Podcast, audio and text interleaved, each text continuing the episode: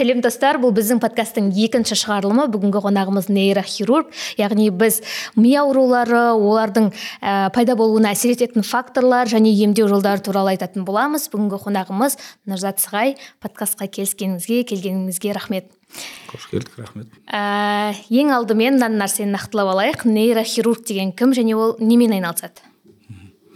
Ә, жалпы тек қана нейрохирургия емес. Ә, кез келген ғылымның кез келген саласы болсын медицина болсын ол қазіргі таңда өлі тіл болып саналатын мысалы ежелгі грек және латын тілдерінен ә, пайда болады мысалы нейрохирургияны жеке атап өтетін болсақ ежелгі гректің нейрон деген нерв яғни жүйке қазақша баламасы иә. және хирургия хиро қол эргон деген жұмыс атқару ә, яғни ә, жүйке жүйесінің ә, ауруларын ота ә, көмегімен емдеудің жолдарын зерттейтін медицинаның үлкен бір күрделі саласы нейрохирургия деп саналады. Және сол мамандықты иеленген сол мамандықта жүрген адамдарды нейрохирург деп атайды. Мхм. Ә, жақсы. Енді бұл ғылыми подкаст болғандықтан айтып өткендей негізінен біз ең алдымен жаңағы аурулардың түрлеріне тоқталмас бұрын ә, мидың құрылысы туралы айтайық. Қандай бөліктерден тұрады және ең ә, әлсіз аурушаң бөлігі қайсы? Мидың құрылымы былай бір екі сөзбен түсіндіру қиынның қиыны ә, неге десеңіз оның анатомиясы күрделі. Ә, жалпы мидың екі жарт шардан ә, құрылатынын білесіздер. Ә, және де оның ә, егер үңіле берсек өзінің классификациясы бойынша жаңағыдай супратенториаль инфратенториаль және жоғары төмен орналасқан құрылымдар болады жаңағыдай бөліктері болады маңдай төбе деген сияқты шүйде бөліктер сияқты деген сияқты. Вот. Және оның ә, нейрохирургтар көбіне анатомиялық құрылысын біледі зерттейді. Ал функционалдық жұмысы өте сан алуан ол нейробиологияның ә, зерттейтін саласы. Негізгі құрылым бас мидың негізіне жататын ол нерв жасушасы яғни нейрон. Ә, нервтің өзінің талшықтары болады. Аксон дендрит деп айтамыз. Және де ә, сіз білесіздер мысалы бас мида нейрондар бір бірімен ә, жаңа қатынасып жатады. Ә, жаңа электр ә, тоғы сияқты бір біріне жаңа импульстар беріп отырады. Осы талшықтар арқылы ә, импульстар беріліп тұрады. Яғни төбе жағынан мысалы тіпті жұлынға дейін осындай ә, импульстар ары бері қатынап жүрмеді. Ә, саусақтың ұшына дейін ә, әрдайым 24 төртте жеті осындай бір байланыс болып тұрады. Ә, негізгі екі ә, ірі құрылым біз ә, ажырататын ол орталық жүйке жүйесі мен ә, шеткері яғни перифериялық жүйке жүйесі деп бөлеміз. Орталық ол өзіңіз білетін бас ми мен жұлын жатады. Ал жаңағыдай мен ә, бүкіл дененің түкпір түкпіріне таралатын ә, нерв талшықтарын ол перифериялық яғни шеткері ә, нерв жүйке жүйесі ә, осылай болып бөлінеді. Мхм. Жаңа әлсіз тұсы деп сұрап отырған себебім мысалы қазіргі күні қандай аурумен жиірек келетін науқастар? Нейрохирург негізі жалпылама маман болған ә, болғанның өзінде мысалы дайындық кезінде ол әртүрлі оталарды жасап үйренеді. Дегенмен ә, уже жетіліп жаңағыдай ә, жолмен айналысуы мүмкін. Спиналды нейрохирургиямен функционалды яғни функционалды бұзылыстармен ә, ауыратын науқастарды емдейтін ә, маман ә, нейроонкологиямен яғни қатерлі қатерсіз ісіктермен айналысатын маман ретінде ә, тамырлық ә, нейрохирург ә, және де мысалы өз алдына үлкен бір ілім ол ә, балалардың нейрохирургиясы. Яғни балаларда болған ә, ерекше бір аурулар болады. Солармен айналысады мысалы балалардың нейрохирургтері. Вот. Ол ә, айтайын дегенім ә, бас мида енді ә, біреусі күшті екіншісі осал ә, дейтін аймақтар негізі болмайды. Сондықтан да оны ә, бөліп шығарып ә, мыналар жиі кездеседі мыналар ә, сирек кездеседі деп болмайды. Әрбір өзінің нейрохирургтың тармағында жиі кездесетін аурулар да болады және де аздау ә, пайыздық үлесі аздау кездесетін аурулар болады. Ал жалпылама алатын болсақ ә, олардың ә, түрлері өте көп. Мхм. Әсіресе қазір қатерлі ісік пен қатерлі емес ісіктердің ә, саны артып кетіп бара жатыр деген ақпарат бар. Ә, сол неге және оған мысалы әсер ететін факторлар не? Енді ол жөнінде болжамдар өте көп. Негізгі болжам әрине адамдар өмір сүру, сүру ұзақтығы ә, ұзарып кетті. Мысалы егер бұрындары ежелгі рим дәуірін алатын болсақ мысалы орта ғасырларды болсақ отызға мысалы жеткен ә, адамдар ә, уже кәдімгідей жаңағыдай егде тартқан кісілер болып саналатын. Себебі өмір ұзақтығы өте қысқа болды. Қазіргі таңда мысалы жетпіске сексенге жеткен ә, адамдармен ешкімді таңғалдыра алмайсың. Мысалы жапондарға қарайтын болсақ жетпістегі адамдар оларға жас болып көрінеді. Сондықтан да ә, онкологтардың осындай бір әзілі бар. Кез келген адам өзінің ә, рагына ертелі кеш егер ұзақ өмір сүретін болса рагына жетеді деген сөз. Ол қалай не себепті түсіндіріледі? Әр секунд сайын қазіргі таңда біз мысалы сұхбатта отырғанның өзінде біздің денемізде мыңдаған мысалы мутациялар жүріп жатады олардың бәрі қатерлі ісікке алып келеді деген сөз емес. Себебі иммунитет бар олардың жоққа шығаратын мысалы эволюциялық механизмдер бар. Дегенмен әрбір жас өте келе ағза қартайған сайын бұл мутациялардың мысалы бақылаудан тыс шығып кетуіне факторлар өте көп. Сондықтан да қарт ә, адамдарда жаңағыдай әртүрлі созылмалы аурулардың көп көрініс беруі ә, содан деп ойлаймын. Ә, қатерлі ісіктердің ә, сол себепте. Вот. Сондықтан да онкологтар айтады ғой бәріміз де ертелі кеш ә, рактан ә, мерт боламыз егер сол ракқа жетіп алсақ деген сияқты. Сол әзіл содан шыққан. Өте қызық және қорқынышты. Ә, осы қатерлі ісікті мысалы ә, емдеу үшін ну адам өзінің бойында организмінде қатерлі ісіктің болуын болғанын білу үшін ә, қандай уақытта қандай уақыт аралығында тексеріліп отыру керек егер бар болу қаупін сезіп білу үшін? Ә, бірінші кезекте м егер ә, тұқым қуалайтын ә, мысалы кез келген адам өзінің мысалы ә, тұқымда осы ата бабаларында әке шешесінде егер қатерлі ісікке шалдыққан адам барын білетін болса ол жаңағыдай группа риска дейді ғой. Яғни қауіп қатердің группасында ә, автоматты түрде бар деген сөз. Ол міндетті түрде сол кісіде қатерлі ісік пайда болады деген сөз емес. Но бірақ ыыы ден қойып жаңағыдай ерекше назар аудару керек деген сөз. Яғни генетикалық ә, тұқым қуалайтын ә, онкологияның ә, бір фактор ретінде онкологияда ондай түсінік бар. Ә, мысалы өзіңіз білесіздер анджелина джоли. Мысалы шешесі де ә, сүт безінің обырынан қайтыс болып кетті. Сондықтан да ол жаңағыдай ген мутациясын өзінде де тапқан. Яғни бұл ген мутациясы ә, аналық без дейді ғой. Аналық без ісігі мен сүт безінің ісігіне жауапты мутациялар. Сол себепті ол жаңа өзінің сүт бездерін ә, және де аналық бездерін алып тастаған кезінде. Енді бұл ә, радикалды болып саналады. Оны біздің күнделікті практикада ол кездесе бермейді онкологтарда ол яғни бірден барып жаңағы сол мутация тапқаннан кейін ә, бірден жаңағыдай барып сүт безінен аналық безінен айырылу деген сөз емес. Просто ол адамдарда жаңағыдай ә, қаралу тексерілу жиілігі жиірек болу керек. Ә, және де бізде ә, дүниежүзілік ә, денсаулық сақтау ұйымы. Мысалы ә, олардың скрининг программалары ә, бүкіл мысалы ә, сол жүйеге кіретін елдерде жиі кездеседі мысалы бізде маммография сүт безін мысалы әйел кісілерде ең жиі кездесетін мысалы обыр түрі соларды мысалы тексерту. Және де ол скрининг мысалы бағдарламасына кірмейтін өкпе флюорографиясы дейді немесе рентгені немесе аз дозадағы кт өткізу яғни дер кезінде ұстап қалу сол жұмыстары. Және де мысалы колоноскопия яғни тоқшектің зерттелуі. Кейбір адамдарда мысалы қуық асты безінің обырын дер кезінде ұстап қалу үшін кей кезде мысалы простат арнамалы жаңа антигенді қан анализінен көру. Және де күнделікті мына рутин дейді ғой мысалы күнделікті үйреншікті бір жылда мысалы қан анализдерін өзінің мысалы жалпы қан анализінде қандай өзгерістер барын биохимиясы қандай өзгерістер ыыы жасап тұру үшін ешкім мысалы қол байлап жатқан жоқ қой. Оның үстіне қазір мысалы ә, жиі шақыратын осмс дейді ғой. Ол бойынша мысалы бәрі тегін жасауға болады.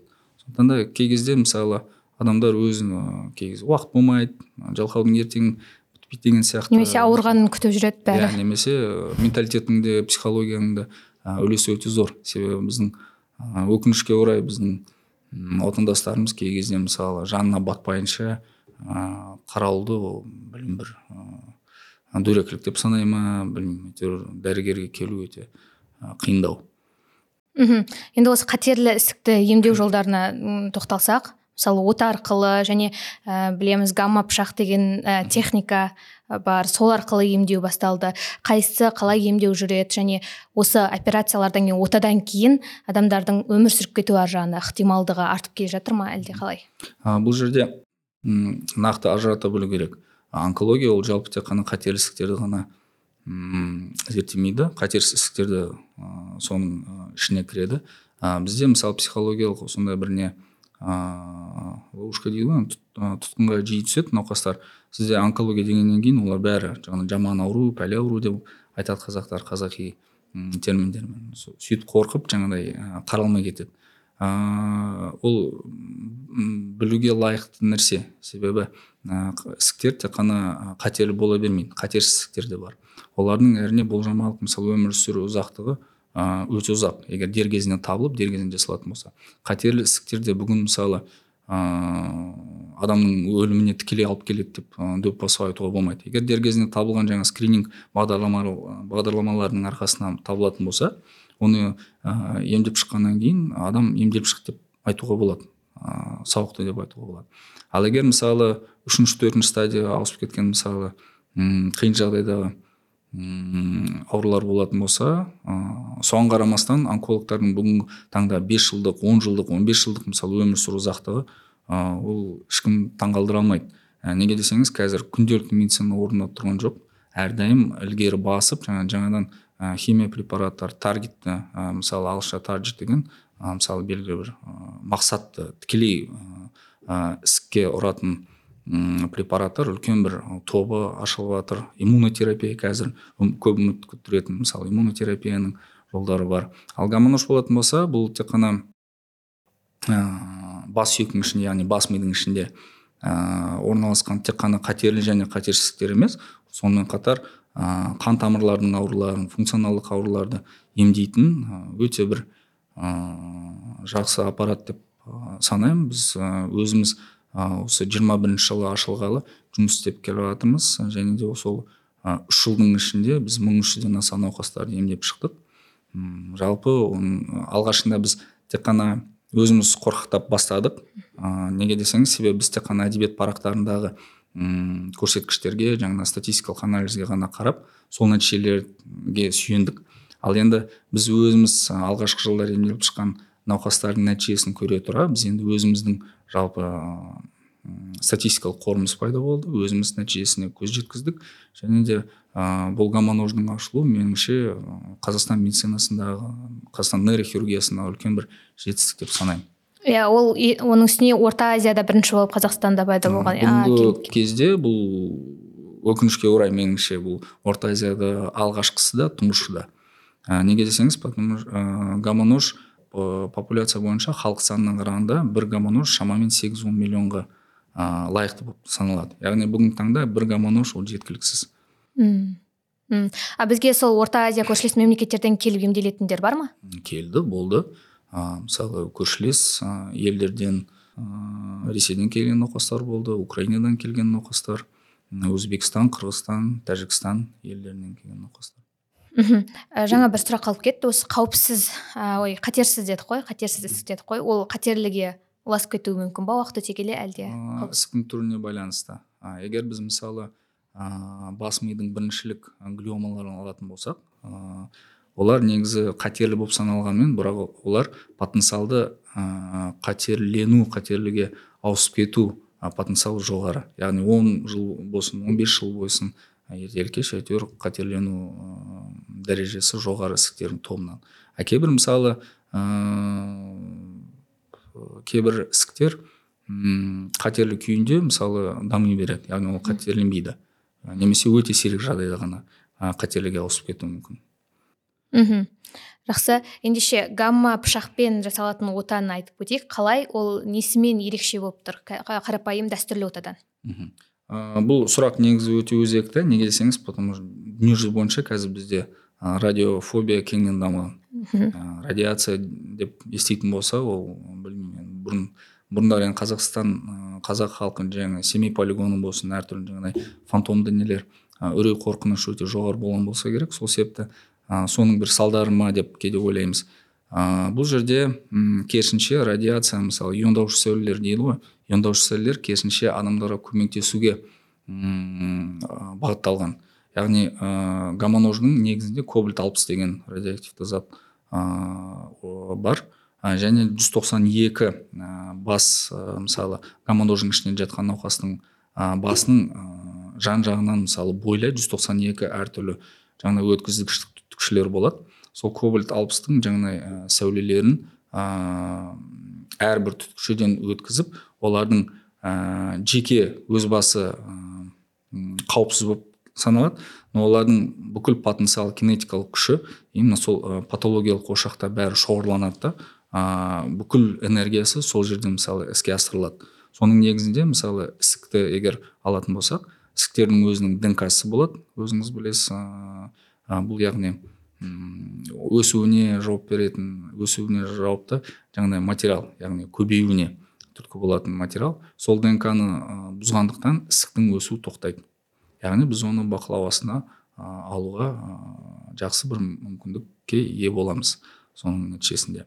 Егер біз қан тамырлық патологиялар мысалы фистулаларды және артериовенозды мальформацияларды айтатын болсақ ол кезде тамырлардың ішіндегі жаңағыдай қабыну үрдістерін тудырады жаңағы күйдіру мәселесі гамма нождың есебінде сол қабыну тамырлар кемерінің ә, жаңағыдай тарылуына алып келеді біріншіден және де қанмен қамтамасыз етілуін нашарлатады. Яғни уақыт өте келе ол ісіктің қоректік несі де бұзылады қорек келмей қалады. Ал егер қан тамырлық патология болатын болса ол өздігімен өздігімен жаңағыдай тамырлары жабылып сөйтіп көлемі кішірейіп мүлдем мысалы жоғалуы мүмкін ондайда но бірақ бір ерекшелігі гомонождан кейін егер қан тамырлық патологияларды алсақ оларды бақылау уақыты өте ұзақ. Үш бес жылдан және де одан артық. Мхм. Гамма нождың қ- гамма пышақтың көмегімен адамның бас сүйегін қозғамай терісін ә, терісіне тимей операция жасалады ғой сонда операция. Бірақ ә, неге оны тек қана осы гамма пышақ арқылы емдемеске неге дәстүрлі медицинамен әлі де емделіп келе жатыр? Себебі әрбір айла тәсілінің өзінің шектеулері болады. Ә, көрсеткіштері болады қарсы көрсеткіштері. Сол себепті біз ә, кез келген науқастарды ала бермейміз. Неге десеңіз әрбір науқастың ә, ауру тарихы ол консилиум негізінде шешіледі.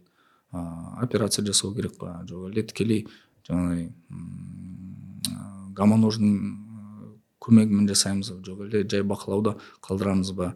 Ә, солай шешіледі кешенді. Гомонождың өзінің ерекшелігі бар. Себебі ә, дозасы өте жоғары. Егер біз бәрін мысалы үлкен кең ауқымды құрылымдарды үлкен дозамен күйдіретін болсақ сәйкесінше біз күйік шалдыру дейді ғой қарапайым тілмен. Үлкен дозамен сәулелік некроз немесе сәулелік асқынуларды шақыру мүмкіншілігі де күрт көбейе түседі. Сондықтан да өзінің бір шектеулері бар бар. Кө- көп жағдайда үш үш жарым сантиметрден аспау керек негізгі бұл көрсеткіштері. Вот. Және де басқа да факторлар бар тек қана біз көлеміне қарамаймыз. Сол факторлардың бәрі егер ә, лайықты болатын болса әрине біз гомонож жасаймыз. Егер белгілі бір факторлармен гомонождың м, қаупі жоға, тым жоғары болатын болса онда біз ә, дәстүрлі операцияны науқасқа операция жасау керек деп түсіндіреміз мхм. Осы гамма пышақ туралы ізденген кезде маған қатты енді қатты ұнады техниканың жетістігі деп айтуға болады ғой. Бірақ бұл тек қана мидың қатерлі ғана арналған.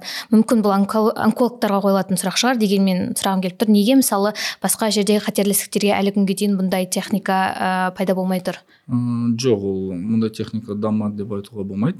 Неге десеңіз бірінші егер гомоно алдымен гомонож жауап берейін. Гомонож ә, көбісі жаңағы көп науқастар өзіңіз сияқты айтады неге мысалы өкпе обырына немесе басқа асқазан обырына неге гомонож қолдануға болмайды деп ә, өзінің бір м, сол бір кемшілігі деп сөйтіп санайды. Ә, біріншіден егер тарихқа жүгінсек сол гомонож ойлап тапқан кісі ол швед нейрохирургы ларс лексль деген кісі. Ә, ол нейрохирург болғандықтан ол тек қана сол ә, миға байланысты ауруларды зерттеуге со, соны ә, жасап ә, құрған аппаратурасы ол яғни жаңағыдай м, өкпе ісігін емдеуді мысалы асқазан ісігін ә, емдеуді ойлаған жоқ. Ол тек қана сол бас миға енді нейрохирург болғаннан кейін әрине өзінің саласын ойлайды ғой. Вот. Ал мысалы ә, жалпы онкологияда мысалы ішкі құрылымдарды емдейтін ә, нұш мысалы ә, бар ә, жаңағы линейный ускоритель дейді ә, солар мысалы кең ауқымды ә, аппаратура өте жақсы. Олардың және даму сатылары да. Бір орында тұрып қалмаған. Жыл сайын олар дамып келе жатыр. Олардың ә, точный ғой прецизионность мысалы ә, дәлдігі ә, жыл сайын жыл санап жаңағыдай ә, жақсарып келе жатыр. Сондықтан да басқа онкологияда гамма нужно басқа аппаратура жоқ деп ол меніңше дұрыс емес деп ойлаймын. Мхм түсінікті. Ә, жалпы енді барлық адам ә, болашақта қателікке шалдығуы мүмкін дедік қой ықтималдығы жоғары дедік қой дегенмен ә, қалай күтім жасаса болады енді өзіне? Ә, бірінші кезекте айта кететін жайт ә, қатерлі ісік болсын қатерсіз ісік болсын оны алдын алудың жүз пайыздық айла тәсілі жоқ өкінішке орай. Себебі м жалпы онкогенез яғни ә, ісіктердің даму үрдісі өте көп факторлы. Оны тек қана бір дөп басып айтатын себептер болмайды. Ол экология деп айтамыз жаңағы генетикалық үлесі болады. Ә, және де мысалы өкпе рагын алып келетін жиі мысалы темекі шегу сияқты тағамға байланысты бір ерекшеліктер болады. Сондықтан да мысалы тоқ ішек мысалы тік ішек ә, рагын алып келетін мысалы көбісі жаңағыдай қызыл ет дейді ғой мысалы ет өнімдері. Соларды шектеу керек деп айтады. Себебі олардың үлесі сол ісіктердің көбеюіне алып келуі мүмкін деген болжам бар. Біз қолымыздан келген әсерлеріміз ол жаңа зош дейді ғой енді қазақша баламасы сөз болатын шығар. Иә салауатты өмір иә. салты яғни жаңағыдай белсенділік спорт мысалы тағамға байланысты пайдалы тағамдарды жеу жеміс ыыы жаңағы антиоксиданты көп мысалы жеміс жидек көкөніс болсын солар көбіне. Потому что урбанизацияның негізінде қазір адамның жалпы белсенділігі жүріс қимылы бәрі азайып келе жатыр. Сондықтан қан жүгірту ыыы иммунитетке көмектесу денсаулық көп жағдайда мысалы адамның өзіне байланысты. Дүниежүзілік сақтау ұйымының өзі де мысалы өзі айтатын жетпіс пайызы ол адамның өзіне байланысты деген сияқты. Біз кей кезде өз ағзамыздың беріп жатқан сигналдарына көп елемейміз шыны керек. Құлақ аспаймыз. Ә, кей кезде мысалы егер бір жеріміз ауырып қалатын болса әй уақытша ғой өзімен өзі кетеді деген сияқты сөйтіп мән бермей қоямыз. Ыыы егер бірнеке мазалайтын болса шамдар пайда болатын болса онда дәрігерге баруды ұзақ қалдырудың қажеті жоқ. Иә ағзаның беретін белгілері деп жатырмық қой. Ә, осы жерде мынандай нәрсе бар еді. Ә, мидың мысалы ауырсыну рецепторлары жоқ дейді. Демек ә, мидағы қатерлі ісікті ә, ісіктің белгілерін адамдарда тез арада білмеуі мүмкін ғой егер ол ауырсыну рецепторлары жоқ болса. Ә, мысалы бас ауру. Егер бас мидың мысалы органикалық аурулары бар адамдар 80 пайыз жағдайда басты біріншілік шағымдары ол бас ауру.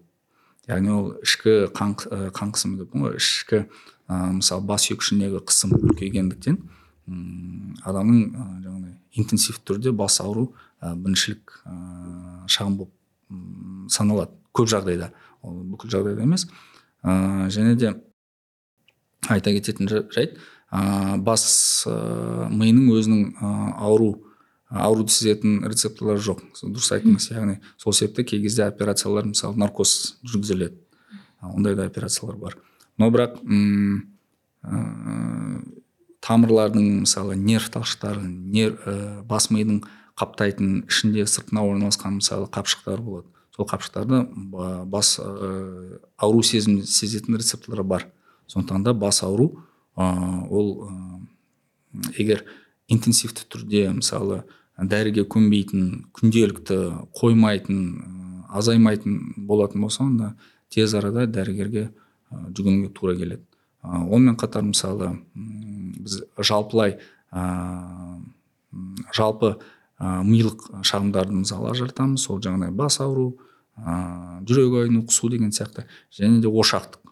Ол егер мысалы белгілі бір функционалды аймақта орналасатын болса патология ә, көз көруіне мысалы әсер етуі мүмкін. Яғни соған сәйкесінше көз көруің нашарлау болуы мүмкін. Егер мысалы моторлық аймақтарға жақын болатын болса яғни адамның қимыл қозғалысы нашарлай бастайды. Аяқ қолы болсын саусақтар болсын әйтеуір бірте бірте сол алғашқы белгілер болып саналады.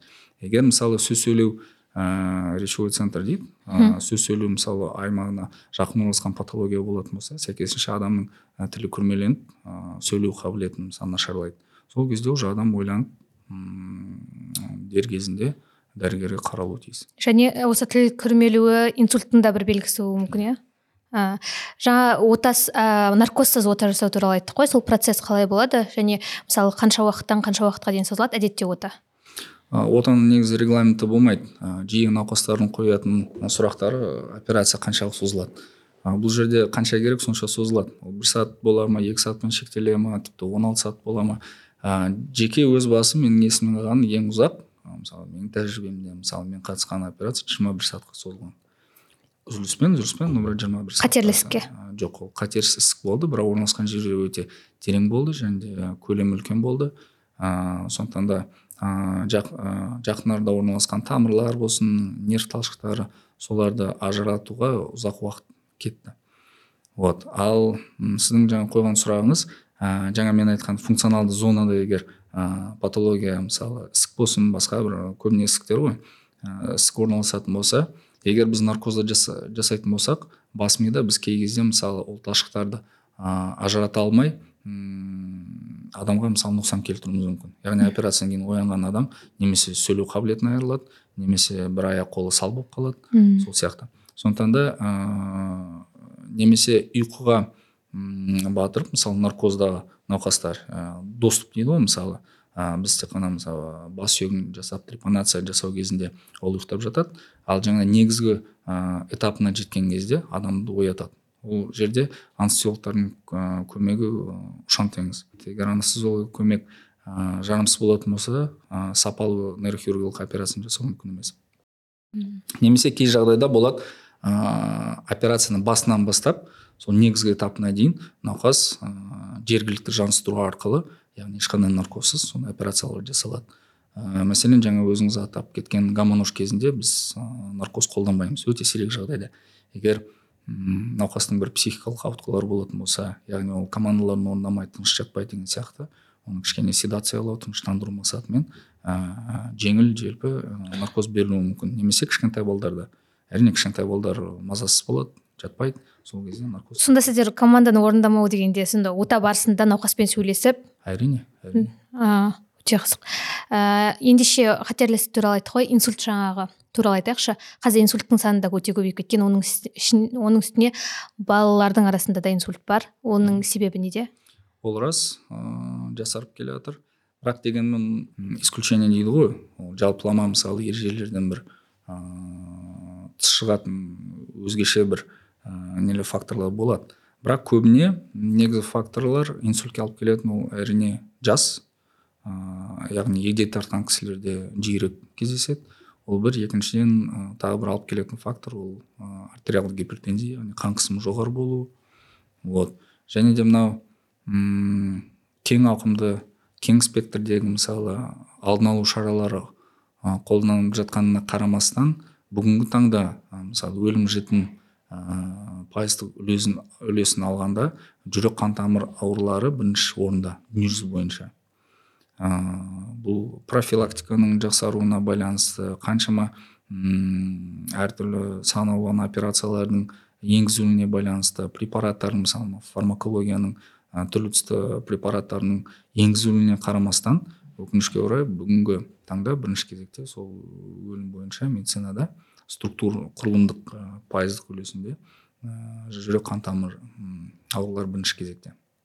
Сондықтан да қырық қырық бестен елуден мысалы асқан науқастарды егер гипертензиясы әр транзиторлы ишемиялық атака дейді оны яғни нышандары инсульттың ә, алғашқы белгілері нышандары. Егер жоғары қан қысымы болатын болса ол дәрілерді ә, түсіретін дәрілерді мысалы қан қысымын қан сұйылтатын дәрілерді дер кезінде өткізбей уақытысымен ішіп тұру қажет. Сол кезде ол уже дәлелденген нәрсе инсульттың ә, болу қаупін ә, күрт азайтады. Мысалы елу бестен асқан науқастарда инсульт ә, кездесу қаупі екі еселенеді мысалы әр он жыл сайын екі еселеніп тұрады. Сондықтан да экологияның мүмкін әсері бар шығар да көбірек. Көбіне ә, оған негізі мен келіспес едім. Неге десеңіз бәрібір қанша дегенмен адамның жасына байланысты. Жаңа біз айттық қой егер онкологияда өзінің рагына мысалы жасымен жететін адамдар болатын болса бұл жерде де инсульт. Ә, бұл шын мәнісінде үлкен жетістік. Медицинаның заманауи жалпы өркениеттің. Мысалы жетпіске сексенге тоқсанға жеткен ә, қаншама адамдарымыз бар. Ә, но бірақ сонымен қатар адам жас өте келе тек қана ә, даналығын ақылын ақыл есін ұштай бермейді. Сонымен қатар созылмалы аурулар да күрт көбейеді. Бірақ балалардың арасындағы инсульт туралы айтпай кеттіңіз ғой бар бар. Бұл негізі қан құйылу ишемиялық мысалы инсульттер біз ажыратамыз немесе қан құйылумен жүретін инсульттарды ажыратамыз. Егер қан құйылуды алатын болсақ бұл тек қана инсульт жалпылама сөз ғана жаңағы термин түсіндіретін. Оның себептері сан алуан мүмкін балада ә, туа пайда болған мысалы васкулопатиялар яғни қан тамырларының өзіндік мысалы қабынуға үйір мысалы аурулары болуы мүмкін яғни жарылуына алып келетін. Немесе қан тамырларының функционалдық жеткіліксіздігінен пайда болатын қан құйылулар болады. Немесе туа пайда болған ақаулар болады. Кей кезде жаңағы мен айтып кеткен аневризмалар болуы мүмкін жаңағыдай мальформациялар солар да жарылып инсульттарға алып келуі мүмкін. сондықтан да бәрін ә, жалпылама бір топқа ығыстырудың тықпалаудың қажеті жоқ. Себебі себептері сан алуан болуы мүмкін. Ал егер біз кәдімгі мысалы қан құйылу ә, немесе ишемиялық инсульт алатын болсақ оның негізгі жаңа мен атап кеткен ол егде тартқан жас ә, қауіп факторы және де артериалды гипертензия. Ә, қосымша аурулары қант диабеті мысалы олардың мысалы ә, жұмыс істеуіне тамырлардың мысалы қабырғаларына теріс әсерін тигізеді яғни оның жарылу қаупін күрт жоғарылатады. Осындай факторлар негізі өте көп. Сондықтан да алдын алу инсульттің ол да қиынның қиыны. Бірақ жаңағыдай айтқандай салауатты өмір салты жаңағыдай дәрілерді дер кезінде қабылдау ол инсульттің кездесу мүмкіншілігін күрт азайтады. Мхм. Миға қан құйылу туралы айтып кеттіңіз ғой жаңа. Ә, бір мынандай нәрселер бар естіп жүреміз ғой халықтың ішінде мысалы төбелесте немесе бір соққы алғаннан үйге келіп жатып қалғаннан кейін ертесіне оянбай қалатын. Бірақ ешқандай аурудың ә, сесі білінбеген. Ә, осы жағдайдың қан құйылуымен миға ә, қатысы бар ма? Не үшін оянбай қалуы мүмкін? Мысалы бір тамыр жарылды делік кішігірім. Бірақ ол өздігінен мысалы қан ә, тоқтамаса бәрібір уақыт өте келе жаңағыдай оның көлемі ұлғая береді. Және сол аралықта ә, науқас мысалы өзінің аурушаңдығын білдірмеуі мүмкін. Сол себепті мысалы ә, келіп жаңағыдай ұйықтап немесе ә, даже белсеніп жүргеннің өзіне уақыт өте келе бір өзгерістер пайда болған ә, қоршаған адамдары ә, соған назар аударады. Яғни өзімен өзі тыныш жүрген адам белгілі бір себептермен жаңағыдай ұйқышылдығы пайда болды жаңағыдай кішкене адекваттылығы төмендеді жаңағыдай когнитивті функциялар ә, диалогқа мысалы сұрақтарға жауап беру қиындады деген сияқты. Вот ә, ол не дегеніміз ә, жаңағыдай қан гематома дейді ғой енді қан көбейген сайын ә, бас миында ығыстыру қысу жаншу ә, күші де ұлғая түседі.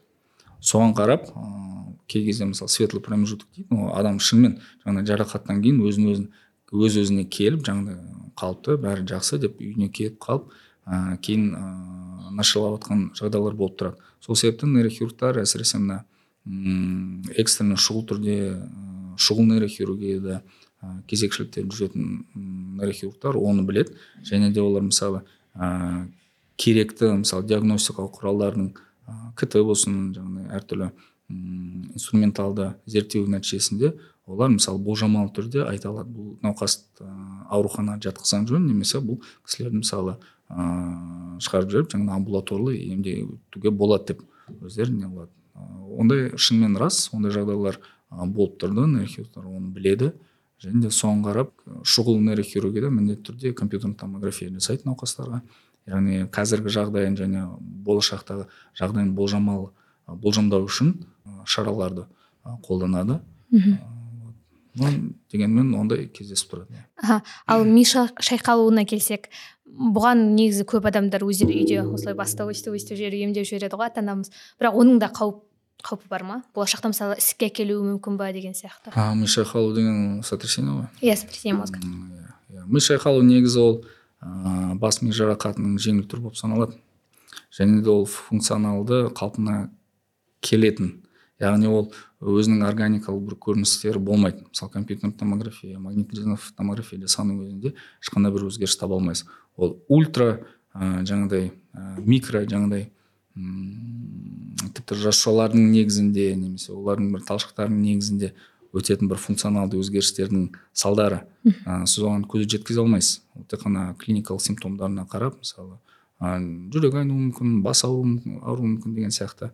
Вот. Көп жағдайда мысалы шетелде м, егер бізде м, бұрындары ауруханаға жатқызатын болса ә, бірақ соңғы кездері амбулаторлы мысалы үйіне шығарып жаңағыдай емделуге ә, рекомендация береді. Шетелде де сондай олар жаңағыдай егер шынымен ми шайқалу деген диагноз қойылатын болса көп жағдайда ол амбулаторный үй жағдайында больничный ашып кәдімгідей жеті он күннің ішінде постельный режим жаңағыдай тыныштандыратын симптоматикалық еммен ыыы жүргізілетін сол ем негізінде үй жағдайында емделеді. Ә, вот. Ал болашақта енді ол ы, ісікке алып келеді деген ол негізі еш жерде дәлелденбеген. Болжамалы түрде ондай болжамдар кезінде ыыы шығарып ыыы кейбір ғалымдар ыыы алдыға сондай бір ы, болжамдар шығарып жүрді. Ы, бірақ олар ми шайқалуын емес көбіне жаңағыдай ауыр бас ми жарақатын сондай болжамалы түрде жасады. Но бірақ тікелей байланыс бүгінгі таңда ол дәлелденбеген. Мм. Ә, мидың тағы бір бірқатар өте қорқынышты аурулары бар ғой. Паркинсон альцгеймер деменция деген сияқты. Соларға жекелей тоқталайықшы мысалы паркинсонға ә, не нәрсе әсер етеді және одан қалай емделу керек және қандай белгі болса дәрігерге қаралу керек? Ә, паркинсон ауру негізі оның тарихи ашылуы өте қызық. Джеймс паркинсон деген ағылшын дәрігер кезінде ол тікелей бір медициналық практикада оны жазбаған. 66 беттік монографиясы бар мақаласы шыққан кезінде. Вот сол кезде лондонның мысалы егде тартқан кісілерін ә, сипаттап олардың ауру белгілерін жазған. Егер мен қателеспесем алты ма жеті науқастың сондай. Және де өте жаңағыдай кішігірім жаңағыдай белгілеріне дейін бәрін әдемілеп тұрып ә, сипаттаған. Ә, сол себепті уақыт өте келе жаңағыдай тағы бір ә, француз ә, басқа бір францияның тағы бір өте атақты тумасы ә, жан мартен шарко деген невропатолог. Сол ә, паркинсонның атына ә, соның еңбегі сіңді. Сол ә, ауруды жаңа джеймс паркинсонның атымен атап қояйық деп айтып кеткен содан бері паркинсон ауру болып кеткен. Ә, бұл жерде м, патогенезі өте м, қиын. Ә, біз жаңа мен айттым ғой бас мида импульстар бір бірімен мысалы ә, бір нейроннан бір мысалы талшықтан екінші талшыққа секіріп тұрады. Олар бір бірімен былай жанасып тұрмайды. Олардың арасында кеңістік болады. Сол кеңістіктерден импульс екінші ә, көпір деп айтайық енді тікелей көпір жоқ. Ә, бір талшықтан екінші талшыққа секіру үшін медиатор дейді. Ол яғни белгілі бір зат. Ол әртүрлі медиаторлар болады. Ә, сол медиаторлар бөлінгеннен кейін ә, медиатордың көмегімен ә, жаңағыдай импульс екінші жерге сөйтіп таралып жүреді. Ә, паркинсон ауру кезінде біріншіден мына бас мида қара субстанция деген құрылым бар. Сол қара субстанцияда дофамин деген дофамині бар ә, жүйкелер ә, жаңағыдай нерв ә, жасушалары орналасқан. Солардың ә, ыдырау құлдырау пайда болады. Ол негізгі ә, патогенезі сонда. Яғни дофамин ә, азаяды күрт азаяды және де мына адамның қимыл қозғалысына жауап беретін мысалы ә, функциясы сәйкесінше жаңағы нұқсан келтіреді оған. М, және де бұл ә, нерв жасушаларында синуклеин деген белок пайда болады. Яғни нә- нәруыз ол қалыпты жағдайда енді оның ә, кездесуі бар но бірақ ә, дәл осындай формада дәл осындай құрылымда кездесу ол ә, нормаға жатпайды ол физиологиялық түрі емес. Сол себепті бұндай науқастарға сәйкесінше бірінші кезекте м, назар аударатын мысалы паркинсон ауруына шалдыққан адамдардың ә, қимыл қозғалысы нашарлайды. Ә, мнемоникалық ә, бір не ереже бар бтр деген мысалы бтр білеміз иә мысалы армияда кездесетін бтр бронетранспортер бар ғой. Бірақ бтр мысалы студенттерге сөйтіп түсіндіреді есте жақсы қалу үшін паркинсон ауруын негізі былай бтр брадикинезия яғни қимыл қозғалысының амплитудасының азаюы жаңағыдай ә, нашарлауы баяулауы деген сияқты т тремор яғни қалыпты жағдайда ә, жаңағыдай ә, дірілдеп тұрған күйі ә, саусақтарының қолдарының болсын р деген ригидность ол яғни ә, бұлшықет тонусының жоғары болуы. Сол негізгі симптомдар ә, солар. Ә, қосымша симптомдары да бар. Енді ол ә, мамандарға ә, тиесілі клиникалық белгілері ол жаңағыдай кең көрермендерге ол керек емес деп ойлаймын. Но негізгі сол бтр. Паркинсон ауру кезінде леводопа деген дәрі ашылған кезде ол шынымен революция болып саналды. Себебі леводопаның көмегімен бұл науқастар ұзақ жылдар бойы ешбір жаңағыдай өмір сапасын ә, енді әрине қалыптыға қарағанда сәл төмендеу но бірақ ә, бұрынғы күйді ұстап кездесетін иә күйін мысалы жақсартуға көмектесті. Бірақ ұзақ жылдар бойы бұл созылмалы аурулы ғой. Сондықтан да бірақ ұзақ жылдар бойы леводопаны қолданып келген науқастарда ә, кез келген дәрінің өзінің побочный эффекттері дейді ғой. Сол теріс әсерлер көріне бастады. Ә, біз бүгінгі таңда мысалы дүниежүзі бойынша мысалы стадиялар егер ә, бөлтейтін болсақ ә, мысалы үшінші төртінші стадиядан бастап ә, нейрохирург бұл командаға қосылады және емдеу командасына себебі мұндай науқастарға операция жасауға мүмкіндік болады. Көбіне жаңағыдай ол стимуляциялық деструктивті емес стимуляциялық операциялар жасалады.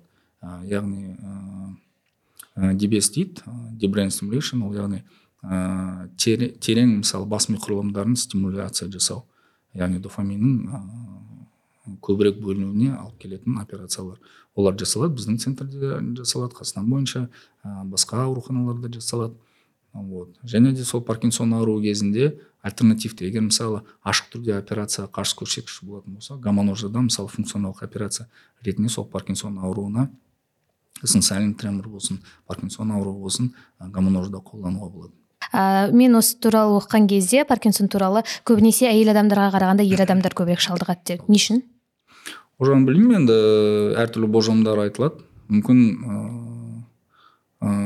көп ыыы ер кісілердің жаңағы токсикалық мысалы әсерлерге жиі шалдығуынан болар ма кім біледі болжамдар әртүрлі но бірақ паркинсон ауруының тағы бір ыыы өте қызықты медициналық факт мысалы темек ә, темекі шегу және де м кофеин кофеині бар мысалы кофе көбіне кофе ғой кофеині бар мысалы ә, сұйықтарды ішу ол ә, паркинсон ауруының антифактор болып саналады. Яғни бұл науқастарда жаңағы паркинсон ауруына ә, сиректеу кездеседі. Иә. Ол бірақ жаңағыдай көрермен жаңағы дәрігер ә, темек шегу керек соны қолдап жатыр деп ойламау керек. Себебі егер темекі шегетін болса ол көбіне өкпе рагын алып келуі мүмкін. Ал жалпылама ол жаңа сондай бір заңдылық бар кезінде үлкен бір метаанализ негізінде сөйтіп ә, сондай тұжырым жасалған болатын. Яғни темекі шегу және де ә, кофе ішу сол паркинсон ауруының тағы бір алдын алу енді алдын алу ә, фактор деп айтса болмайды. Анти рисковый фактор дейді ғой антифактор риска. Сол. Мынадай гипотезалар айтылған жоқ па? Мысалы эмоцияны көбірек шығармайтындықтан мүмкін ә, жаңағы кофе алу кофе ішу арқылы темекі шегу арқылы ер адамдар мүмкін ләззат алып бір деңгейде сондықтан шалдықпауы мүмкін. ондай да болжамдар жасалды. Но бірақ дөп басып айтатын оның себебі табылмаған. Себебі болжамдар сан алуан. Жүз пайыз жағдайда бәріне лайықты бәріне қанағаттандыратын гипотеза бүгінгі таңда жоқ. Мм. А альцгеймер ауруына келсек бұл ауруға да осындай себептер ә, осындай факторлар себеп бола ма әлде қандай? Альцгеймер ауруы негізі оның патогенезі ұқсас. Бұл жерде жаңағыдай ыыы мысалы кез келген үйді алатын болсақ фундаменті мен жаңағыдай іргетасы дейміз ғой іргетасы мен жаңағыдай каркасы мықтылығы соған байланысты. Бұл жерде мысалы бас мида нерв жасушаларын қалыпты деңгейде өзінің қалыпты ұстап тұратын өзінің бір қаңқасы болады скелет. Сол ә, микро түтікшелер конфигурациясы өзгеріп жаңағыдай бета амилоид деген нәрвуздар пайда болады патология ол қалыпты жағдайда амилоидный факторлар болады но бірақ бета амилоидтың көп шоғырлануы нерв ә, жасушаның ішінде нерв нерв сол нерв жасушаның ыдырауына алып келеді. Альцгеймер ауру көп жағдайда жаңағыдай ол да жасарып келе жатыр деп айтады. Бірақ негізі ол ә, егде тартқан кісілердің негізі ауруы. Ол да мысалы альцгеймер ауруына мысалы өмір сүріп келді деген сөз ә, деген сияқты. А, вот. Ә, альцгеймер ауруы нейрохирургияның ә, зерттеу ә, зер- ә, нейрохирургиямен зерттелетін ауру болып саналмайды. Себебі ол жерде операциялар жасалмайды. Көбіне ол нейробиологиялық және неврологиялық ауру болып саналады. Яғни неврологтардың сол ә, нейродегенеративті аурулармен айналысатын неврологтардың үлесінде бұл ауру. Ә, сондықтан да нейрохирургияда мына альцгеймерді біз м, кездесе бермейміз. А, жалпы деменция деген деменция деген диагноз ол ауыр диагноз. Оны қою үшін сан алуан ә, психикалық тесттерден жаңағыдай когнитивті функцияларын зерттейтін тесттерден өту керек. Себебі оны бет алды жаңағыдай адамның несіне қарап деменция деген деп диагноз қою дұрыс емес. Ал бұл аурулардың барлығынан да айығуы мүмкін ба? Өкінішке орай паркинсон ауруы да альцгеймер ауруы да жүз пайыз емдейтін айла тәсіл жоқ. Олардың жаңағы клиникалық көріністерін науқастың өмір сапасын жақсарту мақсатымен қолданылатын ем дом ғана өмір сүруіне ұзақтығына әсер, оң әсер ететін дәрілер қабылдау негізгі мақсат сол. Операцияның да ә, мысалы паркинсон ауруы кезінде қолданылатын операцияда ол радикалды емге жатпайды. Тек қана сол өмір сапасын жақсарту мақсатымен жасалып жатқан оталар. Мхм.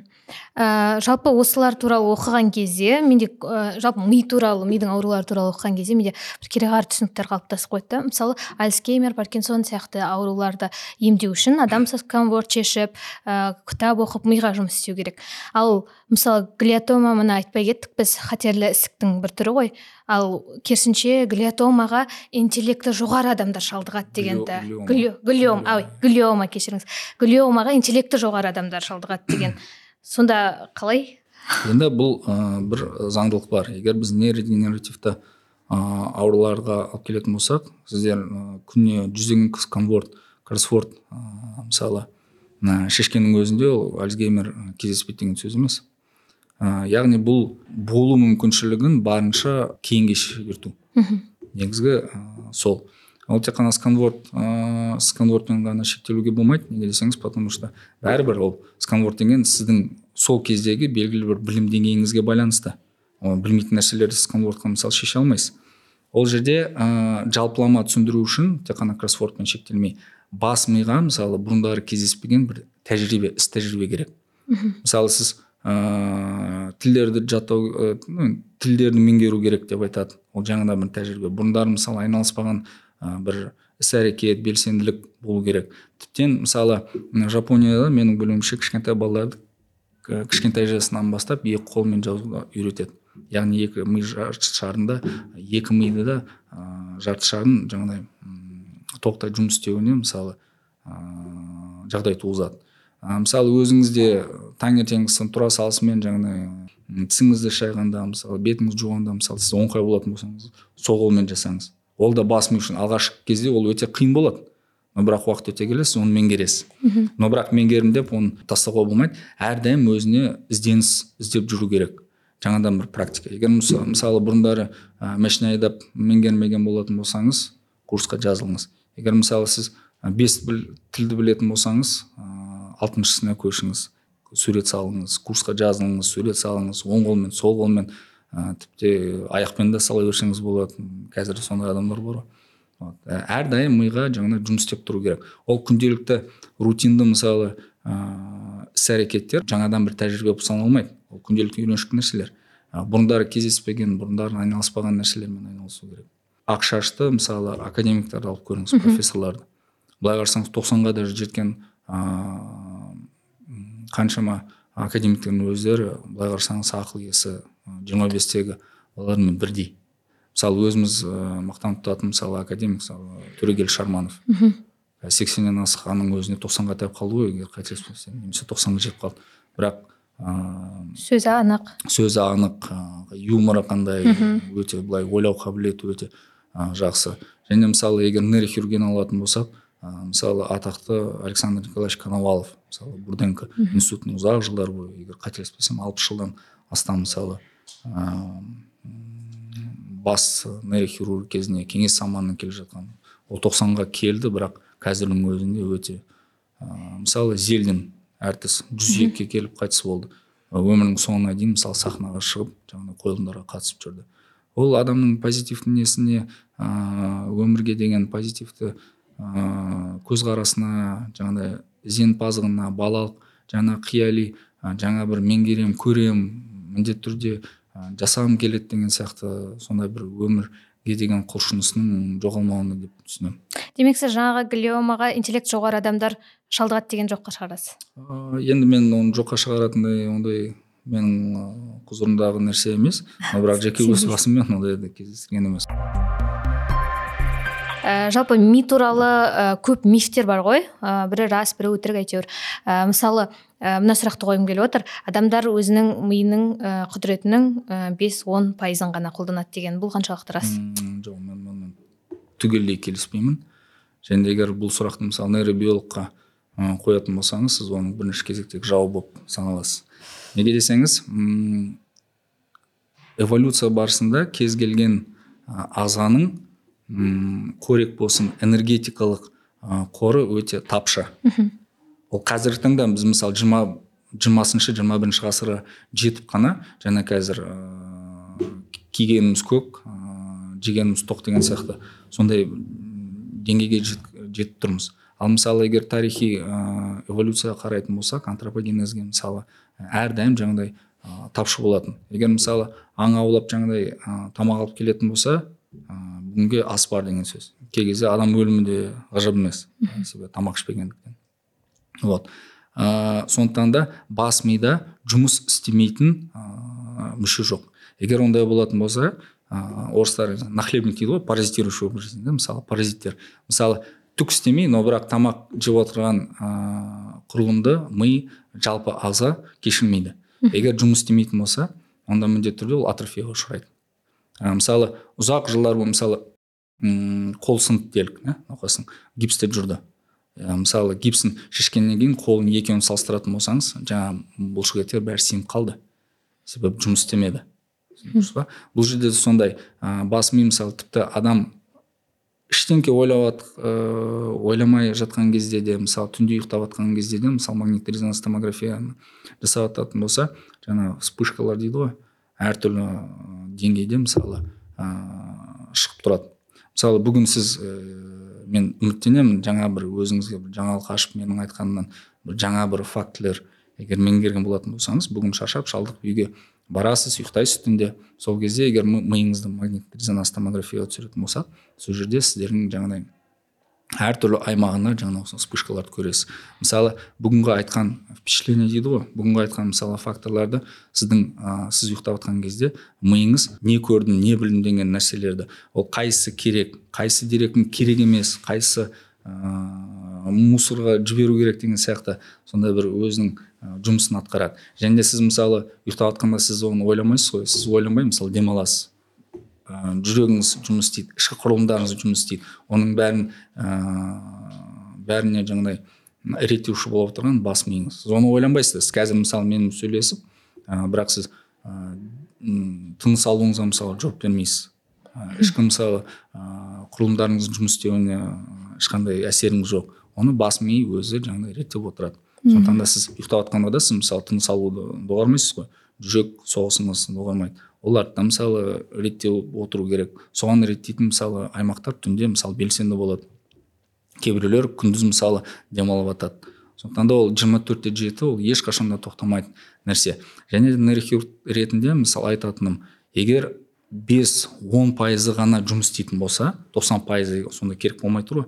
Онда нейрохирургтар ыыы операцияны жасағанда микроскоп қолданбай бәрін қопарып қопарып сөйтіп операция жасайтын еді. Ал шын мәнісінде ол зергерлік жұмыс. Себебі жаңағы сапер сияқты миллиметр солға миллиметр оңға ол науқасқа нұқсан келтіруіңіз мүмкін оны мүгедек қылуыңыз мүмкін. Себебі бос ә, бос аймақтар ә, ештеңкеге жауап бермейтін жаңағыдай аймақтар ол жоқ мида. Мхм. Мидың жаңағы эмоцияға осы, осы жаққа қарай ауысып келе жатырмыз ғой енді. Қай бөлігі ә, эмоцияларға жауап береді? Және мысалы амигдала деген түсінік бар зат бөлік бар. Ә, сол қалай жұмыс істейді? А, енді амигдал иә кейбір нейробиологтар айтады амигдал мысалы миндаль тәрізді жаңағыдай кезінде бұршақ дей ма баламасын миндалевидный тело иә миндаль тәрізді зат. Көбінесе айтады иә эмоцияларға жауап береді. Но бірақ эмоция дегенде негізі бұл самай бөлігінің ішкі құрылымында яғни тереңде орналасқан құрылым болып саналады. Кезінде мүмкін секцияларда ә, ежелгі ғалымдарға шынымен де жаңағы амигдалдың түрін есіне түсірген болар ол жағын білмеймін. Но бірақ солай атап кетті. Ол да ықылым заманнан келе жатқан атауы. Ә, либидо дейді ғой мысалы жыныстық қатынасқа деген құлшыныс. Соған жауап береді. Және де үрей қорқыныш орталығы болып саналады амигдала. Және де жағымсыз м эволюциялық тұрғыда сіз мысалы ә, басыңыздан кешірген бір ә, жағымсыз бір обстоятельстволар болды. Келесіде сіз мысалы сол кісіге жоламайсыз. Немесе сол ә, тағамға жоламай бір уланып қалған мысалы тағамға жоламайсыз. Сол бір ә, предохраняющий жаңағыдай амигдал ә, жаңағыдай екінші рет жаңағыдай сол жағымсыз тәжірибеге тап болмасын деген ә, сізді ұстап тұратын әрдайым ә, бір орталық болып саналады. Но бірақ дөп басып эмоция тек қана осыған байланысты деп айтуға болмайды. Себебі м кей кезде мысалы нейрохирургтар біледі самай бөлігін түгелімен алып тастайтын кездер де болады. Мысалы эпилепсия кезінде әртүрлі операцияларды жарақат кезінде ісік кезінде. Но бірақ адамның эмоциялық ә, тұрғыда ә, еш өзгерістер ә, пайда болмайды. Сондықтан да оны тек қана ыыы дөп басып жаңағыдай бір нүктені көрсетіп мынау осыған жауап беретін орталық мынау осыған жауап беретін орталық деп айтуға болмайды. Бас ми өте күрделі құрылым. Бір бірімен ә, қаншама ә, талшықтар бір бірімен араласып жатыр. Тіпті бір ә, жүйке ә, жүйке жасушасы өліп кеткеннен кейін екіншісі оның қызметін жартылай өзіне алуы мүмкін. Сондықтан да м сіздер мысалы айтады ғой ұзақ өмір ұзақ өмір ыыы сүру үшін әрдайым жаңа мен айтып кеттім. Өз өзіне адам деген ыыы қосымша білім біліктілік қосымша бір тәжірибе әрдайым үйрену керек. Соған бір үйір болу керек ә, ол жерде жаңағыдай нервтер қайна, қайтадан пайда болмайды но бірақ олардың сапалы құрылымы жақсара түседі. Жаңағыдай мен айттым ғой синапстар ол яғни талшықтардың бір бірімен көршілес жанасуы сондай байланыстардың күрт көбеюінде. Ол кезде жаңағыдай тым белсенді мысалы балалық шақта ә, дамып келеді. Сондықтан да кішкентай балдарға барынша жаңағы тілдерін меңгертіп оның өте жаңағыдай бас миын сапалы біліммен толтыру ол әке шешесінің парызы деп ойлаймын. Мхм. Жақсы рахмет. Ә, рептильді ми дегенге де тоқталғым келіп тұр. Ол не нәрсеге жауап береді. Және мысалы бұл туралы оқыған жерінде адамдар ішімдік ішіп алған кезде бүкіл мидың несі сөнеді да рептильді ми ғана жұмыс істеп тұрады дейді. Рас па? Рептильді ми дейсіз ба? Рептилия деген жаңағы қалтырауын кесіртке жылан. Ә, егер қателеспесем егер зоология ә, сабақтарын есіме қалған бойынша бұл жорғалаушылар ғой. Жорғалаушылардың миы. Негізі бұл ә, дәстүрлі ғылымнан кішкене алшақтау термин. Неге десеңіз ә, бұл популярный қалай айтса болады? Танымал? Танымал мысалы психологияда немесе масс медиада бұқаралық ақпарат ә, ақпарат мысалы құралдарында сондай бір клише болады ғой. Сол солардың бір клишесі деп санауға болады рептильді мен жаңа айтып кеттім мидың құрылымы өте қиын. Оны рептильді бөлігі мынау жаңа хомо сапиенсқа байланысты ә, бөлігі деп санауға болмайды. Адамды әрине жаңағыдай ерекшелендіретін ол жаңағыдай сұр затының көп болуы. Тіпті мына бас мидың беткейінің сексен пайызы сол сұр затпен қапталған. Неокортекс деп айтады ол жаңадан пайда болған жаңа қыртыс ми қыртысы. Ал бұл жерде ә, меніңше сіз оқыған жеріңізде рептильді ол жаңағыдай біріншіден адамның ә, біздің жануарларға қарағанда статусын көбейту мақсатымен жасалған клише себебі. Және де адамның кей кезде мысалы түбіне жетіп кей кезде мысалы басқа сыймайтын әртүрлі криминалдық болсын басқа бір ә, жағымсыз жаңалықтарды біз кей кезде м естіп төбе шашымыз тіке бұл қалай адам баласы мұндайға қалай барды деген сияқты. Вот. Сол кезде сондай бір ә, жағымсыз әрекеттерін ә, қалай айтса болады енді ақтау деп айтуға болмайды. Ақтауға мүмкін жасалып жатқан нәрсе. Негізі рептилді егер бұл теория негізі ә, бір кездері танымал болды ол нейробиологияда болды бірақ бүгінгі таңда ол негізі жалған ғылыми ә, түсінік болып саналады. Рептиль деген ол мысалы м негізі инстинкттерге ә, белгіленген жаңағыдай іс әрекеттер. Ол жаңағыдай ұрпақ қалдыру тамақ ішу деген қорғаныс сол. Неокортекс деп айттым ғой. Адамның мінезіне мінез құлқысын ә, жаңағыдай когнитивті жоғары психикалық ә, қабілеттерін мысалы жоққа шығарып ә, адамның жануар ретінде жаңағыдай өз кейпін паш ете түсетін сол алкогольдің әсерінен деп сол ақталу үшін жасалып жатқан клише. Шын мәнісінде ол дәстүрлі ғылым нейробиологиядан алшақтау термин болып саналады. Көбіне ол журналистік тілшілердің клишесі деп санаймын. Жақсы рахмет. Ә, тағы бір ми туралы. Мүмкін миф мүмкін шындық. Ә, оң жақ жартышар сол жақтағы органдарға тікелей байланысты органдармен тікелей байланысты керісінше сол жақ оң жақтағылармен деген. Яғни адамның оңқай болуы мен солқай болуының осы миға қатысы бар ма? Әрине бар. Және қосымша сұрақ. Мысалы оң жақтағылар ол шығармашылыққа жауап береді дейді оң жақ жарты жақ ал сол, сол жақ ол логикаға деген осы, осы туралы айтсаңыз. Көп жағдайда ол жаңағыдай кей кезде мысалы ми асимметриясы деген термин қолданып келді. Ми пластичность дейді ғой өзгермешілігі сондай бір терминдер қолданып келді. Шын мәнісінде жаңағыдай адам бала, адамзат баласының сексен пайызы оңқай. Жиырма пайызы солақай ә, ол бірақ ә, тек қана соған байланысты деп айта алмаймын. Шын мәнісінде де мысалы ә, сол жақ жарты шардан шығатын талшықтардың көбісі ә, мына жұлынға ауысар алдында сексен сексен бес пайызы қарама қарсы жаққа ауысады және де керісінше оң жақтан келе жатқан.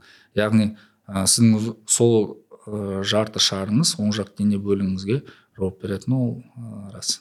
Ә, сол себептен жаңағы невропатологтар даже инсульт кезінде мысалы немесе ә, жарақат кезінде немесе ісіктің өсу кезінде егер мысалы оң жағында мысалы белгілі бір өзгерістер табатын болса сәйкесінше топикалық түрде оның шамамен қай жерде орналасқанын жаңағы патологиялық ошақтың тауып біледі тәжірибелі невропатолог.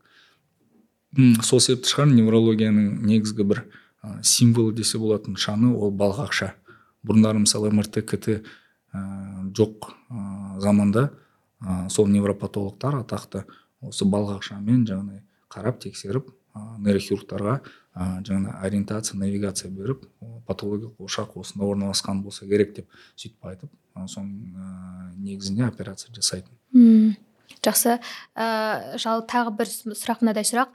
Ә, мысалы біз көбінесе тіршілікті жүрекпен байланыстырамыз ғой жүрегі тоқтап қалды деген сияқты. Негізінде ә, жүрек емес ми тоқтағанда адам өле ма? Ну біз қай жағынан қарастырып жатырсыз? Моральдық жағынан ба? Жоқ әлде юридик жаңағы заң түрде ма? кәдімгі хирургия саласында мысалы себебі жүрек тоқтаса да жүрекке донор жас, ә, болуға болады жүрек ауыстырып салуға болады а миды ауыстыра алмаймыз иә. Сол сияқты яғни мүмкін шынымен де адам өлген кезде ең соңғы болып ми тоқтайды ма деген сұрақ. Иә мен онымен келісемін. Негізі жеке өз басым үшін бұл өзекті мәселе неге десеңіз менің ә, үйдегі ә, әйелім жолдасым ә, кардиохирург. Ол яғни жаңағы жүрек ауруымен айналысады. Біз әрдайым сөйтіп дауласып шаршаймыз ол жүрек өлгесін өледі иә, дейді ол жүрек басты дейді. Мен ми деп айтамын. Но бірақ адамды адам қылатын ми емес па? Сіздің біз қаншама бес саусақ қолдың бес саусағы бірдей емес. Әрбір адамның өзінің ерекшелігі болады жақсы жақтары жаман жақтары гениалдығы болсын жазушы қылатын жаңа дәрігер болатын. Ол жүрек ол әрине мен оны кемсіткен емес. Кез келген ә, орган. ол керек нәрсе. Мысалы ә, сіздің сұрағыңыз менің жауабымызды мысалы бүйрегін күтіп отырған трансплантация күтіп отырған науқас түсінбеуі мүмкін. Е не айтып отырсыңдар ә, бүйрек ең бастысы деп айтуы мүмкін. Немесе бауырын күтіп отырған адам немесе өкпесін. Сол сияқты бұл жерде бәрі салыстырмалы түрде ғой. Но бірақ негізі заң негізінде де жеке өз басым менің өзімнің пайымдауымша адамды адам қылатын ол ә, бас ми сондықтан да ә, шет жақта мысалы донорство посмертный донорство дейді ғой мысалы адам қайтыс болғаннан кейін м егер даже жүрегі істеп жатса да но бірақ егер ә, мидың ә, биоритмі ә, нөлге тең те- теңескен кезде яғни ми өлімі дейді ғой егер сол констатация болатын болса сол кезде уже адамдардың мысалы донорлыққа ә, қолдануға болады және де шетелде сөйтіп жасайды. Қазір бұл бізде көтеріліп жатқан өзекті мәселелердің бірі. Неге десеңіз бізде трансплантация көбісі дін нанымдарға байланысты ол жерде жаңағыдай моральдық ә, жеке өз ә, моральдық өз нанымдарына байланысты адамдар көбісі келісе бермейді. Шет жақта ондай жоқ. Мысалы адам м, бас миы жұмыс істеуін тоқтады ма онда бүкіл несін ішкі органдарын мысалы ол ә, заң жүзінде де жаңағыдай ә, эволюциялық би- биологиялық жүзінде де мысалы ыыы қайтыс болды деген со- соған келтіріп жатыр иә. Себебі ол жаңағыдай өсімдіктен еш айырмашылығы жоқ. Ол жаңағыдай та- ә, системамен келген тамағын сіңіреді шығарады сіңіреді шығарады. Но бірақ ол ә, адам кейпінде адам бүкіл мінезімен жақсы жаман шақтары болсын бірақ ә, жоғары психикалық ә, функциялары бәрі уже ә, жоқ деген сөз. Ал болашақта мысалы миға трансплантация жасау ауыстыру миды мүмкін ба? Жағын білмеймін. Но бірақ ыыы ондай мүмкіндік пайда болғанның өзіне донор кім болады екен? Себебі мәселе сонда ғой. Мысалы техникалық жағдайда жарайды сіз оны бәрін меңгердіңіз оны жасауға болады бірақ донор қайдан аласыз? Өз миын мысалы басқа адамға кім беруі мүмкін? Егер бұл жерде көбіне жаңағыдай ә, философиялық ә, бағытқа біз ауысып жатырмыз. Егер мысалы хорошо қайтыс болған науқастың мысалы миын даже гипотетикалық ә, тұрғыда теориялық тұрғыда егер трансплантация жасағанның өзінде ол сол адам бола ма екен? Жақсы. Ә, осы жерде сұрағым келіп отырғаны нейрочиптер туралы мысалы илон масктың ә, бұл мүмкін ба? Және сіздің көзқарасыңыз қандай? Ә, жалпы ә, егер адам мүмкін емес деп отыра беретін болса ә, ғылым әрдайым ілгері баспайды. Сондықтан да ол ә, егер медицина тарихына қарайтын болса қаншама ә, қателіктердің негізінде тауып алған бүгінгі жетістіктері ол бұрынғы қателіктердің салдары. Себебі ә, ештеңке істемейтін адам әрдайым әрине қателеспейді. Ал мысалы м, қатесіз ілгері басу жоқ. Ә, қазіргі таңда м, медицина болсын ғылымның ауысып жатқан қарқыны соншалықты ә, біз ә, тіпті он жылдан кейін емес келесі жылы не болатынын біз білмейміз. Ә, жаңағыдай илон масктың нейрочиптеу жасап жатқандарына мен негізі жеке өз басым қолдаймын. Егер этикалық комитеттерден бәрі ә, аман есен өтіп жаңағыдай нұқсан келтірмей но бірақ адамның жүз пайыз аюына алып келмесе де но бірақ өмір сапасына оң нәтижесін тигізетін ыыы айла тәсілдер табылатын болса мен оны екі қолмен қолдаймын. Мхм. Күшті. Окей ә, жаңа айттық қой мидың өлімі туралы. Ә, комаға түсіп кету мен мидың өлімінің өліп кет өлуінің арасында айырмашылық бар ма? Ұқсастық айырмашылық? Әрине. Кома ол қайтармалы. Комаға мысалы бас ми жарақаты кей кезде мысалы дәрігерлер жасанды комаға яғни миға келтіретін теріс әсерлерді жоққа шығарудың амалын тауып ә, искусственный кома дейді жасанды комаға не қылады ол нейропротективті мақсатпен яғни миды қорғау мақсатымен жасалып жатқан нәрсе.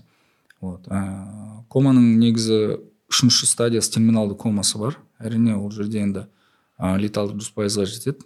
Ә, оны ә, енді шамалап болжамдап жаңа ми өліміне алып келсе болады. Ал жалпы кома мен ә, ми өлімі екі түрлі термин. Ми өлімі ол жаңағыдай тек қана нейрохирургтың нейрохирург қана шешім қабылдамайды. Ол өзінің протоколдары бар. Сол протоколдар бойынша бәрін өткізіп электроэнцефалографиясы бар жаңағыдай. Ә, бас мидың ә, сол ми ә, өлімі тәрізді жағдайлар болып тұрады. Соған алып келетін кейбір ә, дәрілер болады.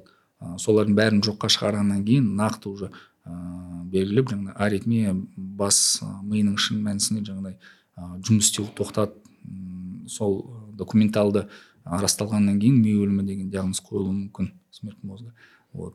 Ыыы сондықтан да кома мен ә, ми өлімі әрине ол екі түрлі термин бір емес. Әм, балалардың балалар сәби туған кезде басында еңбегі болады ғой бүлкілдеп тұратын. Ә, сол қандай қызмет атқарады және ол оған қауіп бар ма? Дұрыс емес ә, оқыс қимыл істеп қойған кезде ә, енді кез келген сіздерге болашақта подкастқа акушер гинеколог шақыратын болсаңыздар босану кезінде мхм ә, тілген айтып тұрған жоқпын кәдімгі физиологиялық.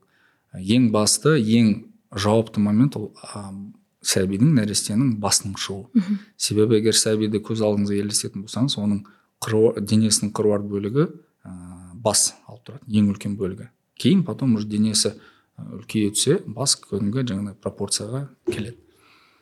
Ә, себебі бас мидың ә, дамуы ерекше тез өтеді және де осы кішкентай кезінде даму қарқынды болады. Ә, табиғаттың жасап жатқан несі заңдылығы сондай. Алдымен бас ми қаттаймайды. Ә, жаңағыдай ә, бас мидың сыртындағы бас сүйегі ол ә, шеміршек түрінде болады. Яғни ол ә, үлкен еңбек пен кіші еңбек болады. Олар бір бірімен бітіспейді. Себебі бас мидың кішкене жаңағыдай не кеңістік беру керек. Бас ми үлкейіп келе жатыр ғой. Сол кезде уже әбден жаңағыдай жетілгеннен кейін қалыпты жағдайда физиологиялық жағдайда сол шеміршектер сүйектеніп жаймен жаймен ә, бір жас толғанда бұл үлкен еңбегі қатаю керек. Ну бір көп болса енді бір жарым ә, жаста балада. Вот ә, диагностикалық тұрғыда егер мысалы еңбегі бітіспей сүйектері бітіспей жаңағыдай кей кезде мысалы болады нейрохирург аурулар мысалы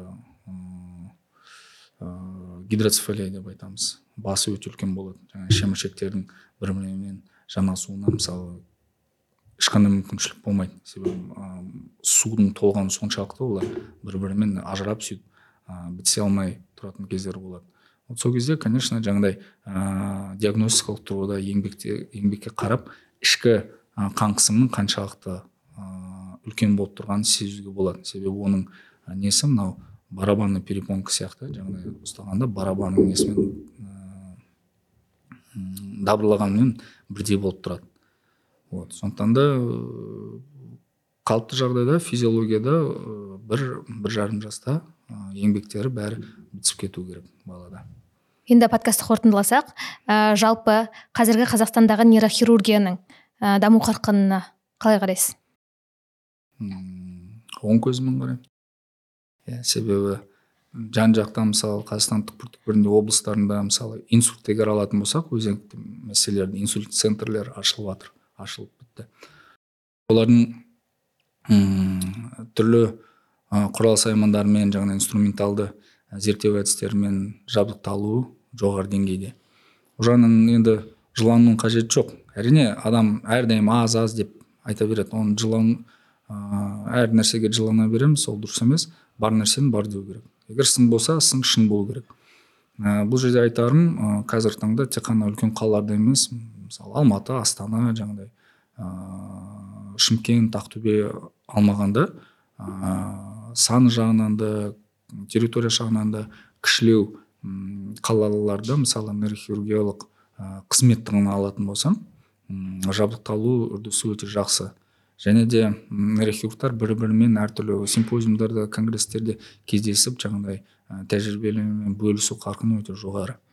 Ыыы және де бүгін ә, мысалы адам жаңа технология меңгерем өсем өнем ыыы жаңа бір ыыы технологияны отаны ә, игерем дейтін болса ешқандай шектеу жоқ. Қазіргі таңда мысалы ақша бөлініп жатыр шетелге қаншама жас ә, мамандар шығып жаңағыдай үйреніп келіп жатыр жаңа ә, трансфер технология дейтін мысалы астанада республикалық нейрохирургия орталығында апробациядан өткен технологияларды мысалы региондарға трансфер болып жатыр сондықтан ол әрдайым жаңағыдай үздіксіз үрдіс. Ол жалпы менің үмітім болашақта да қазіргі таңда да зор. Мхм. Ал нейрохирургтарға ғылыми ғылыммен айналысуға мүмкіндік бар ма? Әрине. Әрдайым кез келген дәрігер ғылыммен айналысу керек. Тек қана отаны бір отаны игеріп алдым соны жасай беремін деудің қажеті жоқ. Ол медицина қатып қалған нәрсе емес ол өз алдына өнер. Ол екі жердегі екі әрдайым төрт бола беретін математика сияқты емес. Медицинада әрдайым ә, кез келген ә, бірінші өте бір оң нәтижелі ә, технология кей кезде келеді ғой. Ә, бірақ бірінші кезекте ол оң нәтижелі көрінгенімен әрдайым оны дауға салу керек салып тұру керек. Ә, көз жеткізу керек. Ол қалай жасалады? Ә, ұзақ жылдар бойы м, кең ә, жаңағыдай статистикалық ә, ақпаратты ғана алып көп адамдарды емдетіп шығарып оның ә, қысқа мерзімдегі орташа мерзімдегі ә, және де ұзақ мерзімдегі салдарын зерттеп қана сіз сол технологияның жақсы жаман екеніне көз жеткізе аласыз. Сондықтан да ғылыммен айналысу ол нейрохирургияның ешбір жаңағыдай ажыратпас бір бөлігі мхм. Жақсы көп көп рахмет. Өте пайдалы қызық ақпараттар айтылды деп ойлаймын. Келгеніңізге рахмет. Жұмысыңызға сәттілік. Шақырғаныңызға рахмет. Жақсы сау болыңыздар.